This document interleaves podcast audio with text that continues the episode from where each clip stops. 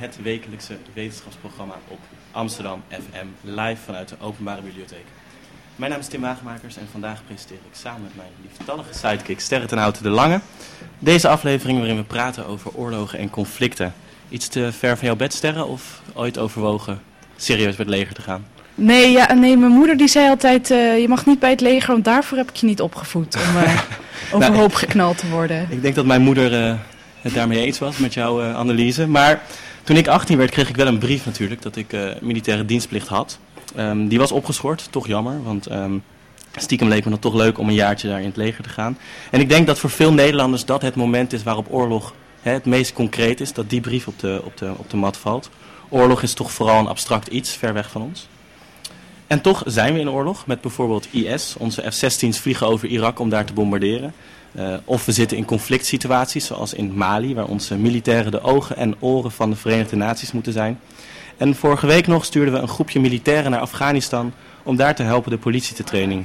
Op de site van Defensie zijn er altijd vacatures. En elk jaar sturen we weer nieuwe Nederlandse militairen naar conflictgebieden. Maar zijn zij wel goed voorbereid? We praten er vandaag over met een gast voor wie oorlog en conflict door haar onderzoek een stuk concreter is geworden. Uh, eh, PhD-onderzoekster Marenne Jansen, ooit mijn docent bij de minor conflictstudies aan de UvA. Nu onderzoekster bij TNO, de Dutch Defense Academy en de Radboud Universiteit. Uh, welkom, heb ik alles genoemd, alle partners? Of? Ja, dit zijn wel de partners. Dit zijn wel een beetje de partners, ja. Um, de column in het tweede gedeelte van de uitzending komt van filosoof Magiel Keestra. Oorlog, kon je daar wat mee, Magiel? Uh, ja, helaas wel. Helaas wel, zeg je? ja, nee, ik bedoel, uh, oorlog, zelfs voor een uh, filosoof, is oorlog en vrede iets wat op zijn, nou, op zijn nachtkastje ligt te ja. rusten. Ja. Ik ga er iets abstracter dan de meeste mensen waarschijnlijk over spreken, maar ik kan nog iets mee. Nou, ik ben benieuwd. Ja. Um, Marianne, we gaan het vandaag hebben over het onderzoek dat je momenteel uitvoert naar hoe onze militaire leiders beter kunnen worden voorbereid op 21 e conflicten. Um, ja, het eerste wat me daar eigenlijk afvroeg was wie bedoel je daar dan mee? Bedoel je dan minister Hennis, de commandant ter strijdkrachten of mensen daaronder? Uh, nou, mijn onderzoek gaat eigenlijk vooral naar de officieren. Dus dat zijn echt uh, vrij jonge mensen die in het uh, Nederlandse leger dienen of gaan dienen. En een groot deel van hen komt direct van de middelbare school. Die hebben HAVO of VWO gedaan. En een ander deel stroomt in nadat ze een HBO of bachelor ergens anders hebben gedaan. Ja. En worden dan opgeleid tot militair. Word je snel officier in het leger? Is dat... Uh, op het moment dat je op de Koninklijke of de NLDA moet ik zeggen, Nederlandse Defensie Academie zit, uh, word je meteen officier. En de onderofficieren doen een andere opleiding. Oké, okay, nou heel goed, we praten er zo over verder. Um, maar laten we eerst luisteren naar muziek.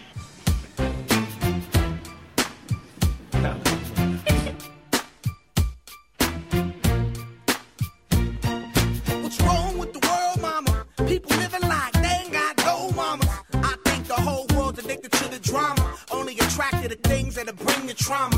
Overseas, yeah, we trying to stop terrorism, but we still got terrorists here living in the USA, the big CIA,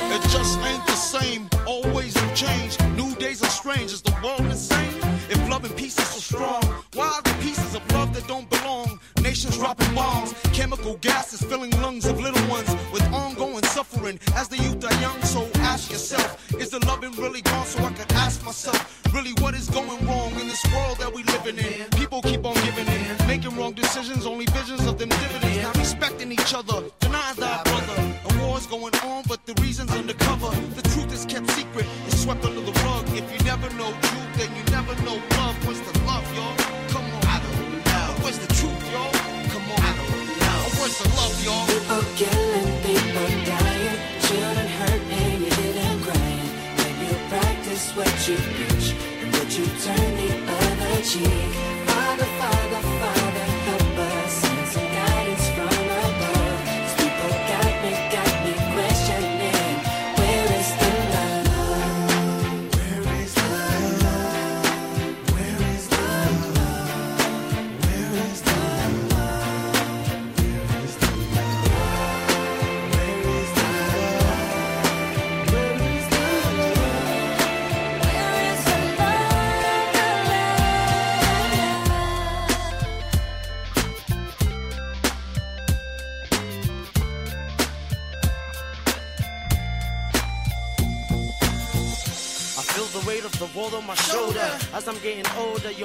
your people get colder. Most of us only care about money making. Selfishness got us following the wrong direction.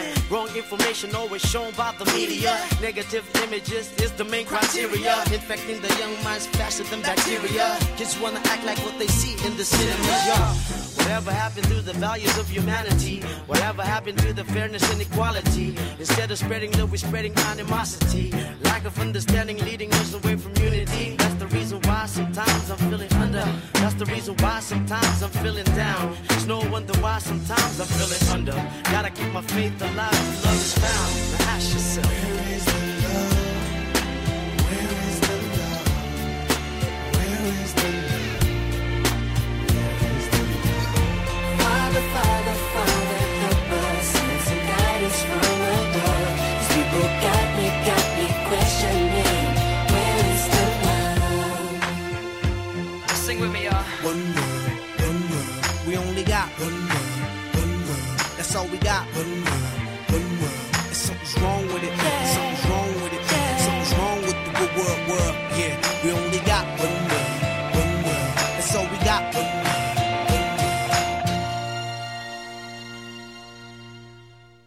Met Where is the Love. U luistert nog steeds naar Amsterdam FM en we spreken met onderzoekster Marenne Meij Jansen.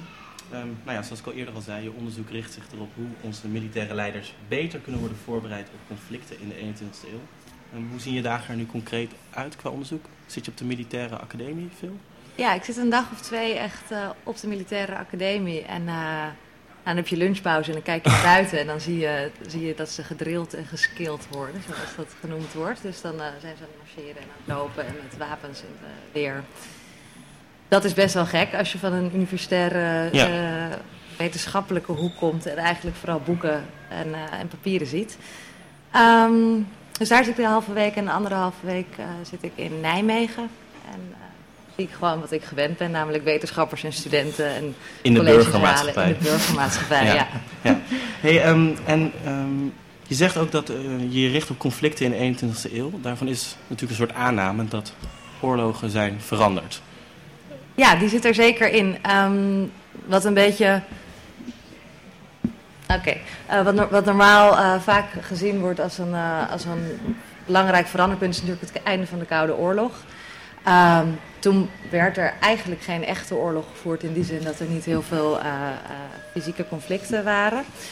En dat is daarna omgeslagen en dan zie je eigenlijk Srebrenica, ehm, Rwanda, Cambodja, een aantal hele grote conflicten waar zowel de internationale gemeenschap als ehm, individuele landen heel anders op reageerden. En je ziet ook dat er in die landen zelf opeens geen land tegen land conflict is, maar dat er eh, allerlei subgroepen Ja. om van alles en nog wat strijden. En dat het niet meer zo heel erg gaat over territoriale veiligheid alleen, maar over heel veel andere dingen. Dus de verandering is dan dat we niet meer langer staat tegen staat hebben, maar dat het. Maak mijn zin eens af. Dat het.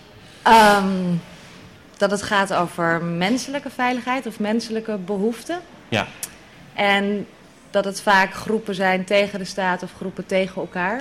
ja. En het is natuurlijk niet zo dat het daarvoor nooit zo was. Het is alleen zo'n markering dat het nu een, eh, een grote verandering is. En je zegt ook dat we daar anders op zijn gaan reageren. Dan, dan bedoel je mee dat wij op een andere manier nu die conflict situaties proberen te beïnvloeden.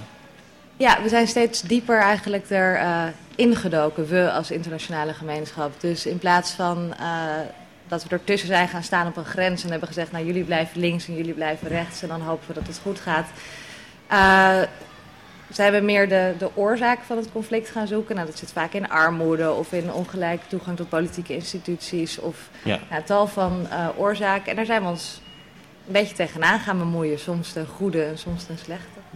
Dus eigenlijk wat je zegt, we doen niet alleen meer veiligheid, maar we proberen ook meteen ontwikkelingshulp te bieden. Ja, we proberen een combinatie van, van veiligheid en ontwikkeling uh, en politieke ontwikkeling ja. En, en, wie zijn dan de we waar je het de hele tijd over hebt? Want je hebt het over uh, dat, er, dat er een internationale gemeenschap ontstaan is, uh, minder nazi-conflicten gericht. Ja. Nou, we is, is in dit geval heel vaak de Verenigde Naties, maar uh, ook de NATO bijvoorbeeld of de Europese Unie. Uh, en daarbinnen vinden eigenlijk heel veel van de toch wel vaak westerse uh, landen hetzelfde. Of die gaan er op een bepaalde manier in mee. Dus kan je dan zeggen dat het westerse manier van naties naast elkaar leven, dat dat de norm is geworden internationaal? Ja, er is natuurlijk zo'n grote filosofische uh, stroming die zegt er moet een soort van uh, eeuwige vrede zijn. Uh, nou, dat zal Magiel ook herkennen van Kant. waarin inderdaad alle democratische naties heel vreedzaam met elkaar aan het handelen en aan het uitwisselen zijn en alles goed gaat. Je kan het een westers idee noemen.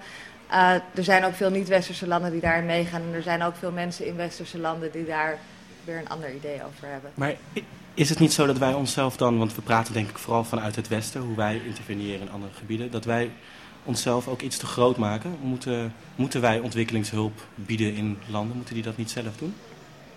Uitstekende oh. vraag.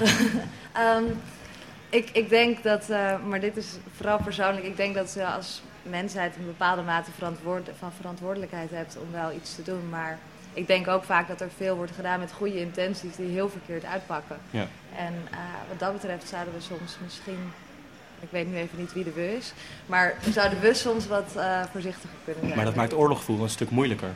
Want het is niet meer alleen het winnen van territorium, maar het is ook daarna helpen. En wanneer stop je dan? Ja, oorlog voeren is denk ik sowieso heel moeilijk. Dus wanneer, ja, wanneer stop je? Dat is een, wanneer ga je weg uit, uh, uit een land?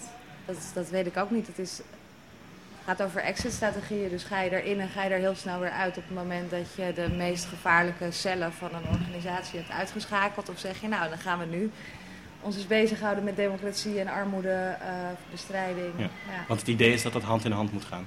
Ja, van iets wat dan de comprehensive approach, of in Nederland vaak de 3D-strategie wordt genoemd. De 3D's zijn uh, development, diplomacy en defense, dus waarin veiligheid en ontwikkeling zitten dat het hand in hand gaat. Ja. En, en nu wat wij doen, wij bombarderen Irak en IS. Dat lijkt dan wel weer een traditionele vorm van oorlog waarbij we territorium proberen terug te winnen. Ja, ik weet niet of die over territorium terugwinnen gaat, maar inderdaad wel over het dat directer uitschakelen van een vijand.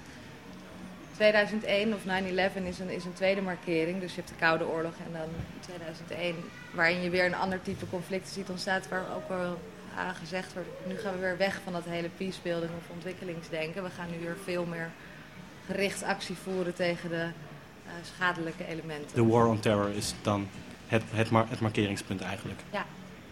En, en zie jij dat, uh, dat ontwikkelingsdenken weer terugkomt? Of is dat wel echt iets wat veranderd is na 9-11 en klaar? Het is nooit helemaal weg geweest, maar je ziet wel dat in de grote militaire interventies zoals in Mali uh, en Irak nu dat dat wel anders is dan uh, toen we bijvoorbeeld in Afghanistan bezig waren. Hebben wij eigenlijk een leger nodig? Nederland, bedoel je? Nederland. Uh, ik zou op mijn kop krijgen van mijn baas als ik hier antwoord op geef. Nou ja, oh, als je daar een negatief antwoord op geeft, neem ik aan. Ik denk uh, dat uh, zolang we niet een, een, wereldvrede met een wereldregering hebben, hebben inderdaad een soort uh, speculatie waar Kant en anderen het over hebben, um, hebben landen een, een leger nodig. En ik denk, Nederland heeft natuurlijk sterk binnen EU en NATO-verband ook legertaken met elkaar verdeeld, maar zonder leger gaat geen enkel land het op deze aardkloot uithouden. Misschien nou, Luxemburg nou, Costa Rica heeft geen leger. Ja. Van dat soort landen denk je dan. Ja, en even nog toch een beetje antwoord geven op je vraag. Ik denk dat het uh, Nederlandse leger uh, probeert zich ook inderdaad, wat jij zegt, de internationale verbanden heel erg uh, nuttig te maken. En dat heeft absoluut betekenis, zelfs buiten het interveneren. Dus dat gaat ook over meedoen met de anderen, over een stem hebben binnen de internationale gemeenschappen en over daar dus. Uh... Maar is dan het, het, het feit dat we ook ontwikkelingshulp willen bieden niet ook gewoon pure noodzaak? Want veiligheid kunnen wij misschien wel niet eens meer afdwingen met een klein leger. Ja, Nederland hoeft zich daar inderdaad, net als andere kleine landen, geen illusies over te maken dat wij IS of welke groep dan ook wel op de knieën zullen uh, dwingen. Um, dus het gaat over samenwerkingen. Ja. Maar wij kunnen ook geen ontwikkeling brengen hoor, in ons eentje. Dat gaat ook niet lukken. Nou, we praten hier zo meteen over verder en dan praten we specifiek over de manier waarop wij onze militairen trainen. Um, om alvast een beetje in de stemming te komen, um, ken je de documentaire De Uitverkorenen? Ja.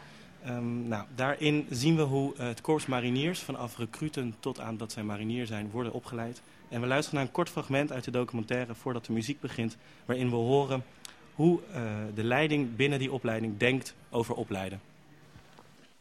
En af en toe ontkom je er niet aan om uh, de harde hand te gebruiken. En helpt het? Vaak wel. Hoe dun is het lijntje tussen onmenselijk en pedagogisch? Die is heel dun. De vraag wanneer ben ik iemand aan het trainen en wanneer ben ik iemand aan het slopen. Uh, slopen kan ook een vorm van training zijn. Mother, there's too many of you crying. Brother, brother, brother, there's far too many of you dying. You know we've got to find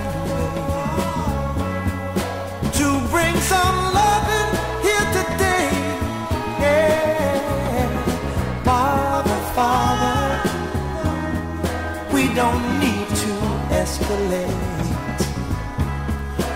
You see, war is not the answer, for only love can conquer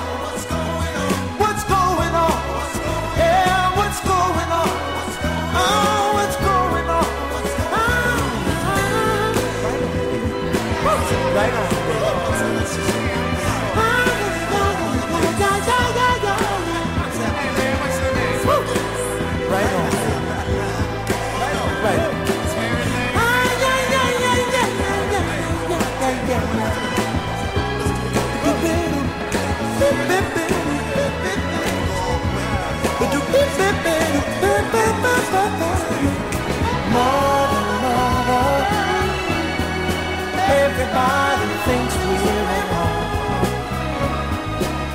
Oh, but who are they to judge us? Simply cause our hair is long. Oh, you know we've got to find a way. Bring some understanding here today. Oh, oh, oh. pick it loud and pick it sound.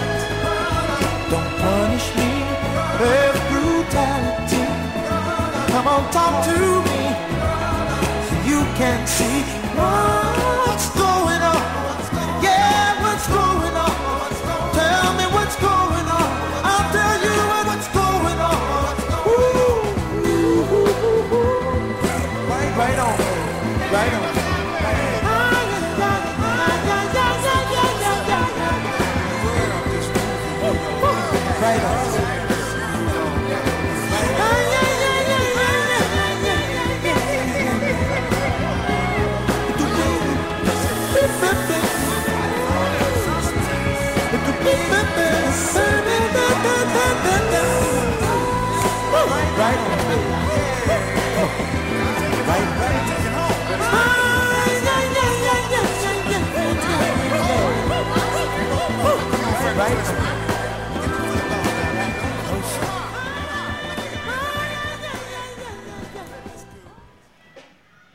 Ja, we zijn weer terug bij Radio Zwammerdam. Het was Marvin Gaye met What's Going On. Ehm, ook een oorlogslied waarin hij zich afvraagt wat er toch in vredesnaam was gebeurd in Berkeley in 1969 toen een anti-oorlogprotest met geweld werd neergeslagen door de politie.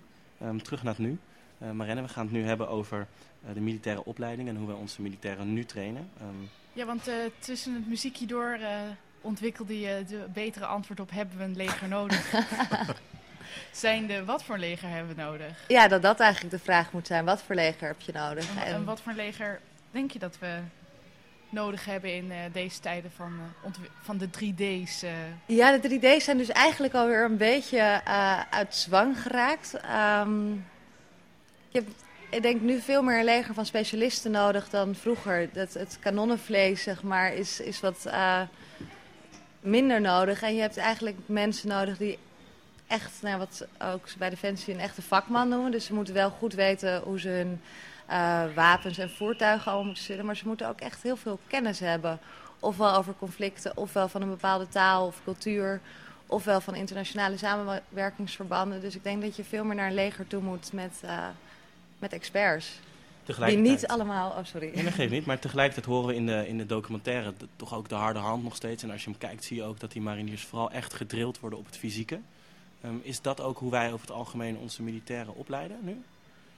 Um, uiteraard zit er een heel groot fysiek gedeelte in. En ook uh, totdat ze met uh, pensioen gaan, moeten ze ook, ik geloof één of twee keer per jaar, uh, behoorlijk zware fysieke testen doen. Om gewoon te zorgen dat mocht er iets nodig zijn, dat ze allemaal even hard kunnen rennen. En dat je niet zeg maar, ja. achterblijft met, met de zwakkeren. Um, maar de ideale opleiding, zoals die op papier staat, heeft uh, drie poten. Waarvan er eentje militair is, waar een deel fysiek in zit. En eentje wetenschappelijk. En dat kun je vergelijken met een bachelor sociale wetenschappen. Komt ook ethiek in voor, komt internationale politiek in voor. En de derde poot is het socialis socialiserende. Waarin het dus heel erg gaat over vorming. Kunnen we deze mensen van individuen ook echt tot een team maken? Want dat team is ontzettend belangrijk. Voor maar stromen er dan veel mensen nog extern in of komen de meesten toch wel meteen van de middelbare school? Uh, ik hoorde laatst een getal en ik heb het niet gecontroleerd, maar 75% uh, stroomt extern in later. Hm. Vond ik erg groot. En is daarbij ook aangegeven wanneer ze dan instromen? Is dat na afronden van een studie of is dat... Meestal na een hbo of een bachelor universitair. Ja. Dus die spotjes uh, van ben je technisch opgeleid, kom dan bij het leger, werken eigenlijk wel goed? Ja, ik denk dat die vooral voor onderofficieren bedoeld zijn. Um, en voor de officiers hebben ze weer officieren en hebben ja, ze want weer wat die specialisatie betreft, bedoel je dan, uh, heb je het dan over de officieren waar jij naar kijkt? Ja. Of heb je het over dat het hele leger eigenlijk veel meer uh, division of labor zou moeten doen, om het, uh, om het zo maar even te noemen? Nou, wat interessant is, is je kiest eigenlijk, of je wordt gekozen voordat je aan de opleiding begint al welk vak je gaat doen. Dus of je marinier wordt of bij de luchtmacht gaat of uh, bij de infanterie. En daarbinnen kies je dan ook weer een specialisatie. Ga jij heel veel van tanks af, geen tanks meer, ga jij heel veel van vliegtuigen. afweten, ga je speciaal je richten op piloot of parachute. Nou, dat is dus uh, in die zin al vroeg gespecialiseerd. En dat wordt dan van bovenaf uh, bepaald?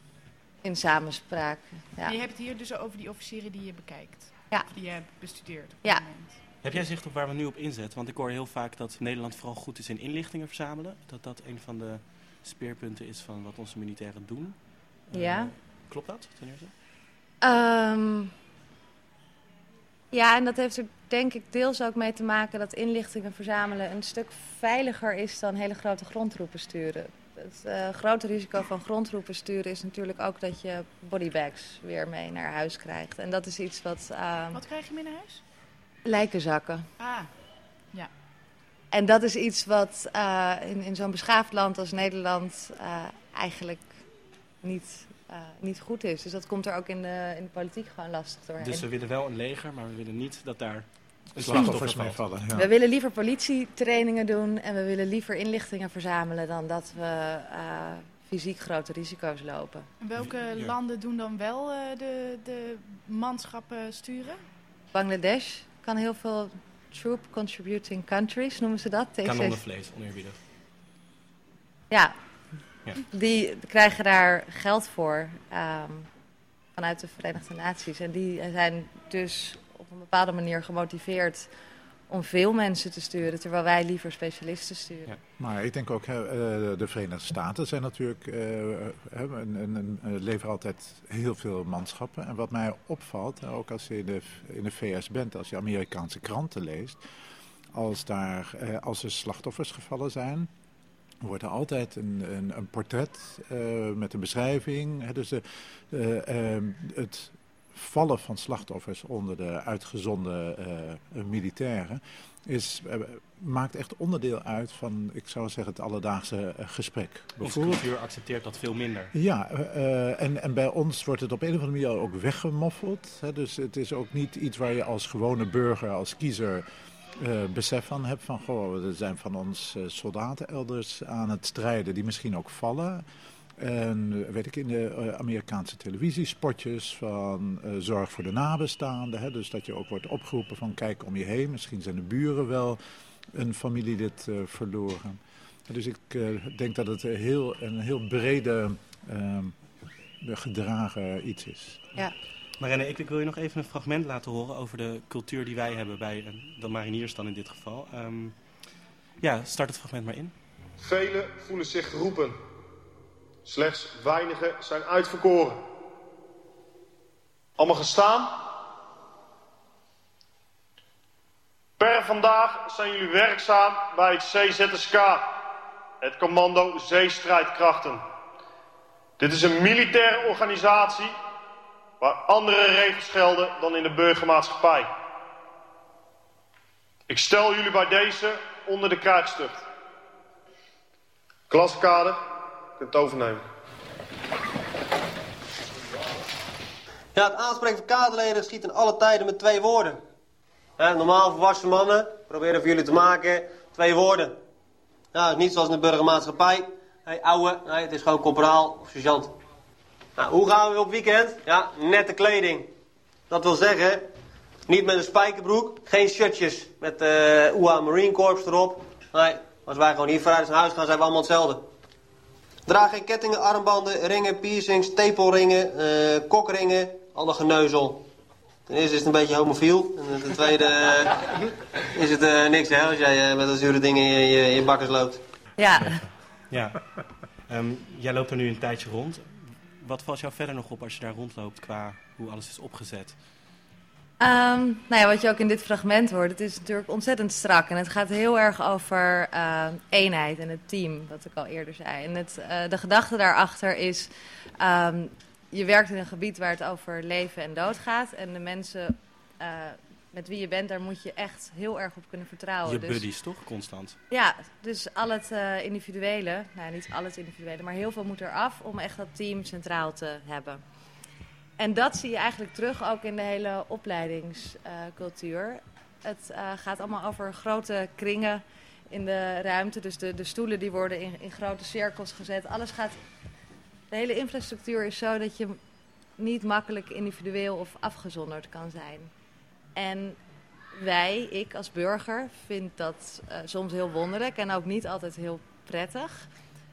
Um, Wat vind je daar niet prettig aan? ik ben iemand die me graag af en toe afzondert en een individuele gedachte ontwikkelt of een eigen gang gaat. En dat, uh, dat is daar buiten, buiten de norm. Ja. Um, moet ik wel bij zeggen dat er ook genoeg militairen zijn. En zeker als ze wat uh, ouder worden en als ze een tijdje werkervaring hebben. Die uh, wel weer heel goed in staat zijn om op zichzelf ja. verder te gaan. Tegelijkertijd, we maken dat heel strak. Dat regime daar is heel strak. Je, je zegt die cirkels, alles is collectief. Um, en dan komen we in een conflict situatie terecht waar alles chaotisch is. Ja, en dat is een hele interessante spanning waar ik in mijn onderzoek nog uh, veel verder uh, op door wil en moet gaan. Um, je organiseert het zo dat er heel weinig onzekerheid is in iemand zijn leven en iemand zijn werkomgeving. Werken en wonen zitten ook heel dicht bij elkaar het internaatsysteem op de opleidingen. Dus mensen zitten daar gewoon uh, vier, vijf dagen per week of 24-7 met elkaar. Aan de andere kant opereer je in enorm chaotische gebieden waar je eigenlijk niet zo heel goed weet wat er nou aan de hand is. En ook voornamelijk binnen die muren van de compound uh, blijft. Dus dat is een... Uh... Maar is het dan juist niet iets wat elkaar heel, goed aan, aanvult? Juist als je, als je in zulke ja, laat ik zeggen, barre omstandigheden met grote onzekerheden moet opereren. Dat het dan alles wat je veilig kunt stellen, zo'n cultuur van het leger, dat dat juist... Een houvast is. Ja. Ja, en dat is ook zeker de, de, de ratio daarachter. En dat is ook hoeveel mensen dat ervaren. Ehm, ik denk alleen dat als je iemand traint op altijd zekerheid geven, dat je misschien niet goed weet hoe die reageert in een onzekere situatie. En dat dat uh, misschien ook risico's met zich maar meebrengt. Is het dan altijd zekerheid geven dat je met z'n allen die groepscultuur, die collectiviteit aan het trainen bent? Ik, ik zou juist weinig zekerheid hebben als ik, moet vertrouwen, als ik blind moet vertrouwen op iemand anders. Nou ja, daar, daar word je dus ook in getraind dat dat kan. Dat je blind op elkaar kan vertrouwen. Uh, als je bijvoorbeeld te laat komt daar in een groep, dan wordt uh, alles stilgelegd en dan voel jij heel duidelijk dat het jouw schuld is, dat al die anderen op jou hebben moeten zitten wachten. Er is maar één tijd op tijd, dat is het leven. ja. Stekend. Ja. Nou, we praten daar zo over verder en dan gaan we verder kijken hoe uh, theorie in de praktijk komt. Maar eerst uh, is het nu tijd voor onze columnist, Magiel, take it away. Dankjewel. Polemos panton men pater esti panton de basileus. Oftewel, oorlog is van alles de vader en de koning van alles. Al dus Herakleitos, een filosoof uit 500 voor Christus uit Griekenland. Deze, wijsbegeer, deze wijsgeer, de duistere genoemd, heeft waarschijnlijk geen lofzang op de oorlog willen houden als een vruchtbare oorsprong van het bestaan. Maar hij wees er in deze abstracte termen op dat verandering en vernietiging tegelijkertijd ook vernieuwing betekent. En dat omgekeerd ontwikkeling, groei of ontstaan alleen maar optreden als er ook iets ten onder gaat. Oorlog en vrede zijn voor Herakleitos weliswaar tegenovergesteld, maar tegelijkertijd ook innig met elkaar verbonden. Deze ambiguïteit van oorlog en de verwevenheid van vrede en oorlog met elkaar, zoals ook van ontwikkeling en vernietiging met elkaar, is voor de meesten van ons verwarrend en soms zelfs verontrustend. Het resultaat is dat veel mensen desondanks proberen om oorlog en vrede strikt van elkaar gescheiden te houden. En ook veronderstellen dat goed en kwaad uiteindelijk strikt van elkaar te scheiden zijn. Ik ben er echter van overtuigd dat het huiveringwekkende verschijnsel oorlog ons allemaal een diepe, meer filosofische les kan leren. Namelijk dat er altijd een tekort bestaat van onze begrippen ten aanzien van de werkelijkheid waarover we proberen te spreken. Typisch weer zo'n vergezochte analyse en een voorbeeld van filosofische abstractie, zult u misschien zeggen. Immers, meestal is toch duidelijk of oorlog onvermijdelijk en terecht is, of dat het juist afschuwelijk en onterecht is, terwijl vrede eigenlijk altijd positief is. Of is het zelfs voor ons niet zo evident? Zelfs niet voor ons verwende burgers van misschien wel de meest vreedzame en oorlogsvrije regio van de wereld, die al jaren geen oorlog op eigen bodem meegemaakt hebben. Helaas, de laatste jaren zijn we herhaaldelijk opgeschrokken en geschokt door elders op de wereld die soms angstaanjagend dichtbij kwamen. Oorlogen waarbij we soms als burger van een NATO-land of een EU-land of gewoon als onderdeel van de vrije westerse wereld ook indirect betrokken zijn. Denk aan de burgeroorlog in Syrië, die al jaren duurt, die miljoenen onschuldige burgers tot slachtoffers en vluchtelingen heeft gemaakt. En waarbij wij betrokken zijn, in ieder geval als passieve omstander en als opvangland van overigens al te kleine aantallen vluchtelingen. Of denk aan de strijd tegen het islamitische kalifaat. Het kalifaat dat inmiddels ook Nederlandse jongeren lijkt aan te trekken. Mogelijk omdat zij zich betrokken voelen bij de slachtoffers van de Syrische regering Assad, die maar geen hulp van buiten lijken te krijgen, die slachtoffers dus. Het resultaat is dat er op dit moment eh, landgenoten betrokken zijn bij beide kanten van het front. Het kan dus gebeuren dat er Nederlandse bommen vallen op Nederlandse burgers die het kalifaat verdedigen. Of die, anders gezegd, dat er bommen vallen op Nederlandse burgers die Syrische moslims proberen te verdedigen tegen hun abjecte president. Voorwaar, een verwarrende situatie waarbij het lastig kan zijn om bijvoorbeeld de ene strijdende partij geheel nobel en goed te verklaren en de andere partij volledig slecht te verklaren. Hoezeer ik zelf dat zogeheten kalifaat en de bijbehorende ideeën ook afwijs. Of neem de oorlog in Oekraïne. Deels een burgeroorlog, maar ook deels een invasie van het land door Rusland. Waarmee dat laatste land een schokkend gebrek aan respect voor de integriteit van het buurland toont. Daarbij wordt door Rusland en de separatisten echter weer verwezen naar het verleden, waarbij de grenzen anders lagen of de bevolkingssamenstelling anders was. En volgens uh, deze opinie moet de strijd begrepen worden als de correctie van de historische vergissing. En met dergelijke historische vergissingen zijn wij heus wel bekend, omdat wij zelf als een van de koloniale mogendheden veel van dat soort historische vergissingen zelf ook gecreëerd hebben. Bij deze strijd in Oekraïne is de EU meer direct betrokken, maar dat levert helaas ook een verwarrend beeld op. We moeten aanzien hoe de EU en de NATO alleen maar met economische sancties durven te strijden, omdat een militair ingrijpen wellicht tot een onbeheersbare strijd zou kunnen leiden en zo voor nog meer slachtoffers, schade en politiek onvoorspelbare gevolgen kan zorgen. Zulke oorlogen roepen heftige emoties en afschuw op en minstens evenveel meningen en overtuigingen. Daarbij speelt veelal ook een groot gevoel van frustratie en onmacht mee. Frustratie en onmacht over het feit dat de meest afschuwelijke gewelddadigheden plaatsvinden die niemand zou moeten willen en die toch maar voortduren omdat er geen oplossing of uitweg gevonden wordt. In de meeste gevallen lijken oorlog inderdaad, zoals von Clausewitz twee eeuwen geleden al betoogde, voortzettingen te zijn van de politieke strijd met andere middelen. Dan is het echter ontstellend om te ervaren dat die andere en vernietigende middelen de oorspronkelijke politieke meningsverschillen totaal doen verbleken. Althans, voor de slachtoffers van de oorlog zijn die politieke meningsverschillen niet meer relevant. Hun mening hierover speelt ook meestal geen rol. Of je nu voor of tegen de oorlog bent, of je stiekem de opvatting van een vijand huldigt, of juist niet. De gemiddelde burger hoeft er niet op te rekenen dat hij of zij onzien wordt als ze maar de juiste mening huldigt. En dat ze alleen maar getroffen wordt als ze toevallig eens blijkt te zijn met de vijand. Bovendien, hoe kan het verlies van het leven van een geliefde die in kruisvuur terecht kwam, de vernietiging van een moeizaam opgebouwd huishouden bij een granaatontploffing of de invaliditeit als gevolg van een bermbom beschouwd worden als een terecht offer ten behoeve van een politiek wenselijk doel.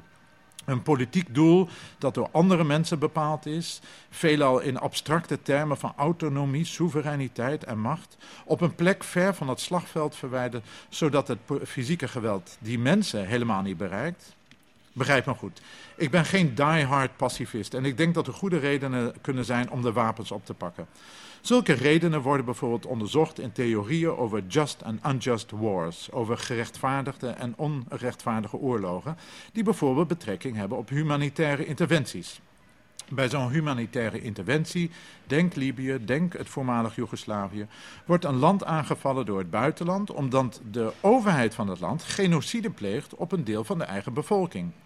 Het akelige is echter dat zulke nobele redenen meestal afdoende zijn om te voorkomen dat de slachtoffers uh, meestal geen goede, uh, niet afdoende zijn om te voorkomen dat de slachtoffers vallen onder die burgers die gered moeten worden. Ook al zijn ze het eens met de humanitaire interventie.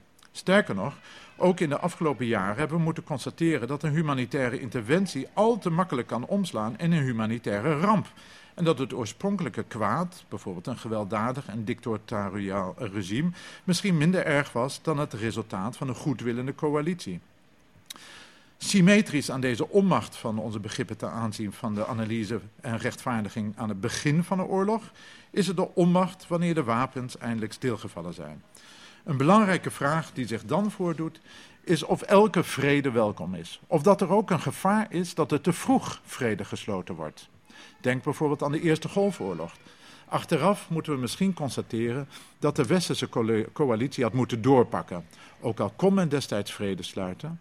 Omdat jaren later alsnog een tweede invasie gepleegd werd met nog veel destructievere gevolgen. Ten aanzien van het einde van de oorlog steggelen deskundigen dan ook over de vraag waaruit het einde van de oorlog moet bestaan. Uit vrede of uit gerechtigheid, peace or justice. Nu zou je natuurlijk allebei willen. Een vrede waarin het recht heerst. Helaas blijken vrede en gerechtigheid elkaar regelmatig in de weg te zitten. Rechter Goldstone van het Joegoslavië-tribunaal vertelt bijvoorbeeld in een lezing dat er waarschijnlijk een relatie is tussen zijn order om de Servische leiders Karadzic en Mladic te arresteren en de slachting van moslimmannen bij Srebrenica die twee maand later plaatsvindt onder het toeziend oog van onze Nederlandse blauwhelmen. Rechter Goldstone meent dat op de lange duur het recht meestal wel degelijk bijdraagt aan een duurzame vrede, maar hij geeft in zijn lezing verschillende voorbeelden van het omgekeerde. Voorbeelden waarin het nastreven van rechtvaardigheid weer voeding aan nieuwe strijd geeft. Het is dan ook zo dat vrede wel betekent dat de wapens zwijgen, maar dat vrede nog allerminst vereist dat er ook rechtvaardigheid heerst. Dat bijvoorbeeld oorlogs, oorlogsmisdadigers vervolgd zijn, dat er herstelbestaande betalingen worden gedaan, dat er democratische verhoudingen zijn ingevoerd. Vaak, vaak blijkt het onmogelijk om zulke rechtvaardige verhoudingen te realiseren na een oorlog. En soms is het zelfs na decennia nog een brug te ver voor vele regeringen om rechtvaardigheid uh, te realiseren. Denk bijvoorbeeld aan de Nederlandse regering die dat maar niet uh, uh, kan doen ten aanzien van Indonesië. Laat ik na deze wat sombere constateringen weer terugkeren naar de abstracte aforismen van Heracleitos, de voorsocratische filosoof uit Griekenland. Niet alleen was volgens hem oorlog de vader en koning van alles, maar hij meende ook dat pantarei kai menai, oftewel alles stroomt en niets blijft hetzelfde. Wij proberen weliswaar uit alle macht met onze begrippen en houvast in die vliedende werkelijkheid te krijgen en tussen goed en kwaad te onderscheiden en te besluiten of oorlog gerechtvaardigd is, dat wellicht aan spanners vrede gehandhaafd moet worden. Maar hoewel onze begrippen suggereren dat er scherpe grenzen te trekken valt, blijkt dit in de praktijk vies tegen te vallen. Juist wanneer het om leven en dood gaat, om oorlog en vrede, om geweld en rechtvaardigheid, juist dan zouden we toch willen dat onze begrippen ons helpen om onze wensen en idealen te verwerkelijken. Met dit tekortschieten van onze begrippen ten aanzien van de werkelijkheid worden we vooral geconfronteerd in verband met de individuen die betrokken zijn bij de oorlog, zoals ik eerder al zei. Die individuen worden geslachtofferd of moeten zelf de wapens hanteren, ongeacht hun persoonlijke visie of betrokkenheid. Ze worden vereenzelvigd met een bepaalde partij of worden slachtoffer als collateral damage, per ongeluk. Zoals de filosoof Hegel rond 1800 nog schreef, demonstreert oorlog de nietigheid van het bijzondere en van het individuele. Ook voor Hegel gold dat dit niet iets specifieks is voor de oorlog, maar dat oorlog ons in meer algemene les in bescheidenheid moet leren. De dilemma's en verwarring die bij oorlog horen, zijn voor een deel te wijten aan een zeer fundamenteel en meer abstract probleem de onvermijdelijke kloof die er ligt tussen onze taal en begrippen enerzijds en de weerbarstige en vloeiende, veranderende werkelijkheid anderzijds.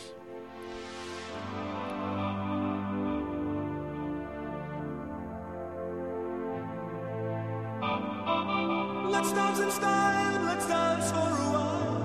Heaven can wait, we're only watching the skies. Hoping for the best, but expecting the worst. Are you gonna drop the bomb or not? Let us die young or let us live forever. We don't have the power, but we never say never. Sitting in a sandpit, life is a short trip. The music's for the sad man. Can you imagine when this race is won? Turn our golden faces into the sun. Praising our leaders, we're getting in tune. The music's played by the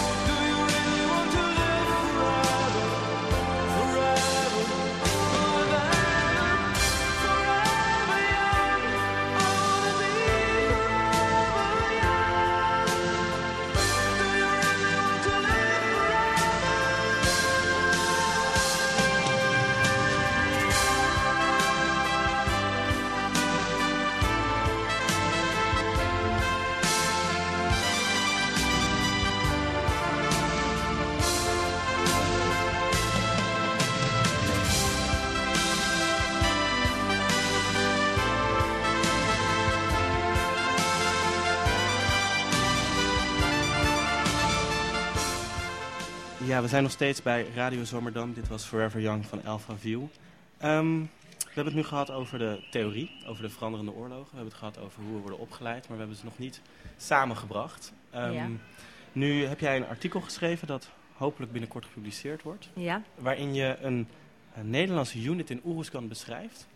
Uh, die daar specifiek kwam om ondernemerschap te stimuleren. Um, kun je ja. iets over vertellen? Ja, klopt. Deze uh, unit die was onderdeel van de, wat toen nog uh, CIMIC heette, de Civiel-Militaire Coöperatie. Dat zijn militairen? Dat zijn militairen, maar dat zijn vaak reservisten. Dus okay. die... Um, die hebben in Nederland in de burgermaatschappij gewoon een heel andere uh, functie. Dat zijn ondernemers, managers, dit ja. kan van alles zijn.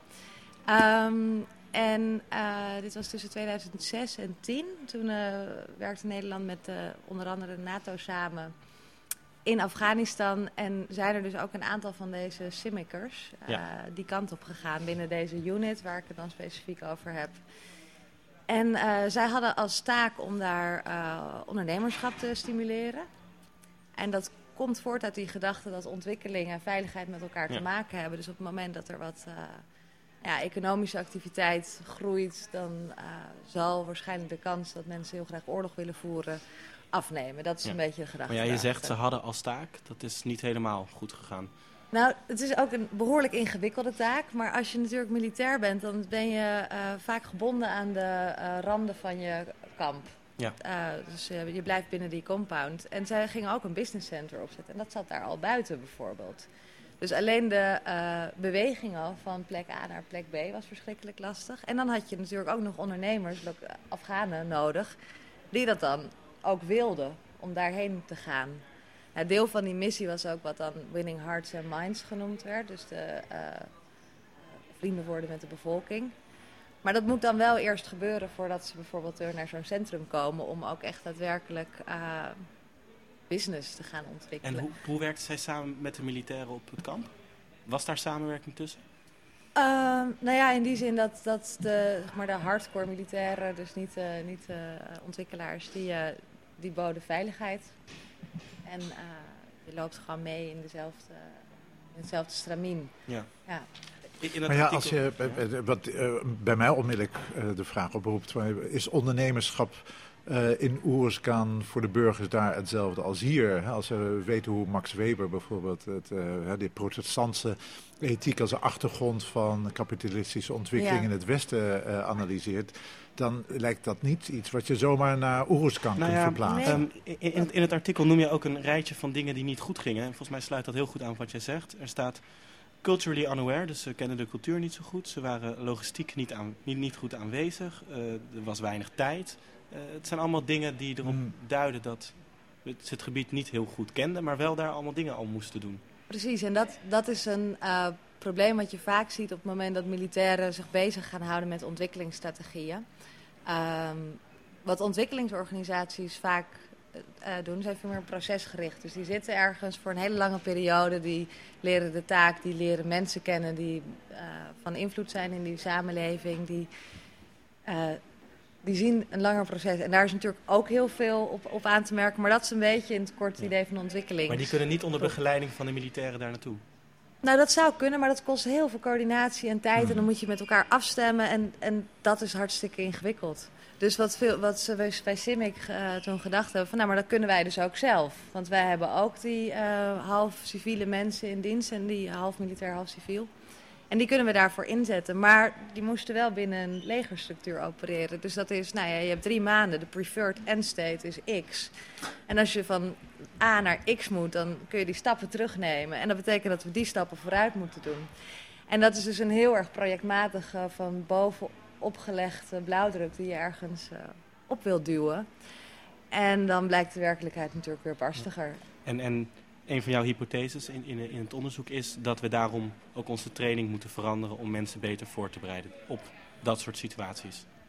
Ja, en dat kan echt op ontzettend veel verschillende manieren. Daar heb ik nog geen oplossing voor. Maar je zou, uh, als je binnen die comprehensive approach of 3D-strategie... zou je misschien veel meer al vooraf thuis samenwerking kunnen zoeken. Zorgen dat mensen elkaar kennen.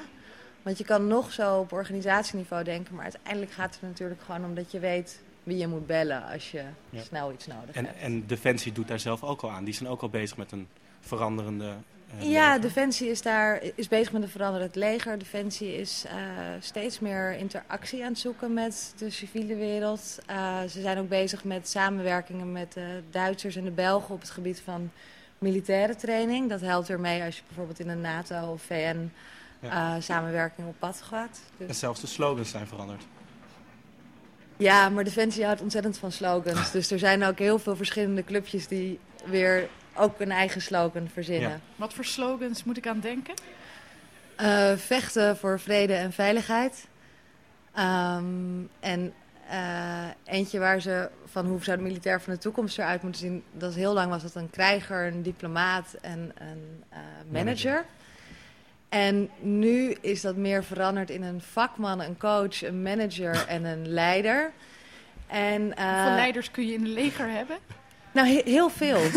dat is, dat, je wordt bij, uh, bij Defensie word je heel snel leider. Omdat er natuurlijk overal clubjes zijn. En dus je studeert af, je bent 2, 23 en je hebt meteen 10 man onder je.